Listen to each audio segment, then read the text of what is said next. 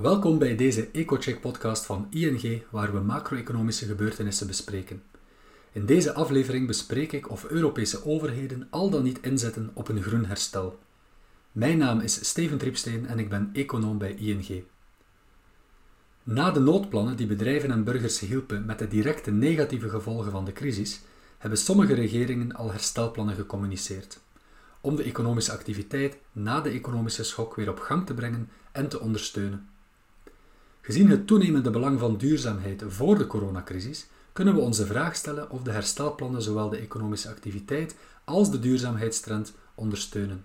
Of zal de groene agenda worden uitgesteld of zelfs losgelaten? Eind 2019 publiceerde de Europese Commissie haar ambitieuze Europese Green Deal. Het plan wil de Europese economie transformeren om tegen 2050 klimaatneutraal te zijn. De coronacrisis heeft dit proces uiteraard onderbroken, maar we vroegen ons af of het ook de vastberadenheid om de groene transitie te maken heeft verzwakt. Het korte antwoord is nee. Ongeveer een maand geleden publiceerde de Europese Commissie haar voorstel, het zogenaamde Next Generation EU, om de Europese economie nieuw leven in te blazen. En de groene transitie is een cruciaal element. Het voorstel heeft als doel, en ik citeer, de Europese economie weer op gang te brengen, de groene en digitale transitie een impuls te geven en deze eerlijker, veerkrachtiger en duurzamer te maken voor de toekomstige generaties. Het voorstel voegt 750 miljard euro toe aan de Europese begroting en zou gebruikt worden over een periode van vier jaar vanaf 2021. Een cruciale vraag is hoeveel van dit geld gebruikt zal worden om de groene transitie te ondersteunen. Het is jammer genoeg moeilijk om dit te kwantificeren. 560 miljard euro zal worden toegewezen aan de lidstaten, maar het is nog onbekend voor welke doeleinden. Het voorstel zegt dat het geld kan gebruikt worden voor de financiering van investeringen en hervormingen om de lidstaten veerkrachtiger te maken. Dit deel van het voorstel zal dus niet altijd rechtstreeks groene projecten financieren, maar het geld kan niet gebruikt worden voor projecten die tegen de groene transitie ingaan.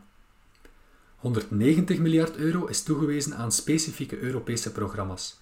En volgens onze berekeningen gaat ongeveer 45 miljard rechtstreeks naar groene programma's.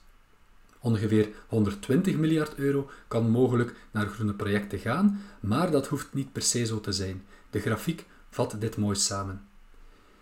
De Europese Commissie stelt ook nieuwe belastingen op Europees niveau voor. En sommige daarvan zouden consumenten en bedrijven kunnen stimuleren in de richting van groene beslissingen.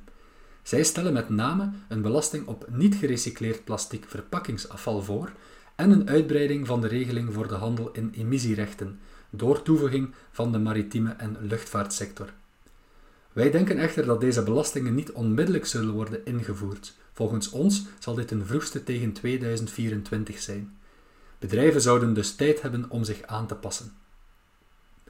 Naast het Europese initiatief vroegen we ons ook af of de Europese lidstaten ook een groene reflex hebben voor hun herstelplannen.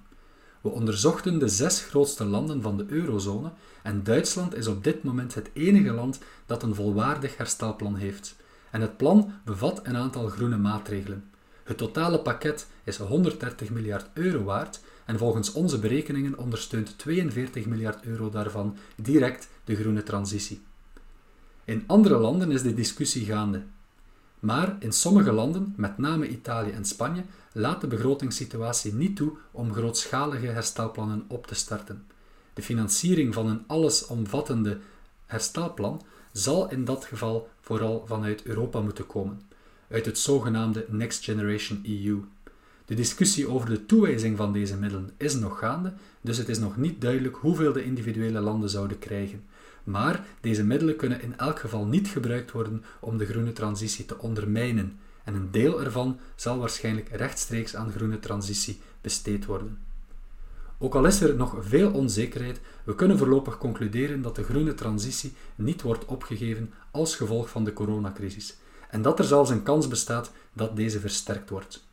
Zo, dit is het einde van deze EcoCheck. Door de zomervakantie zal er volgende week geen EcoCheck podcast zijn, maar de week daarna zijn we opnieuw van de partij. Bedankt om te luisteren en tot dan.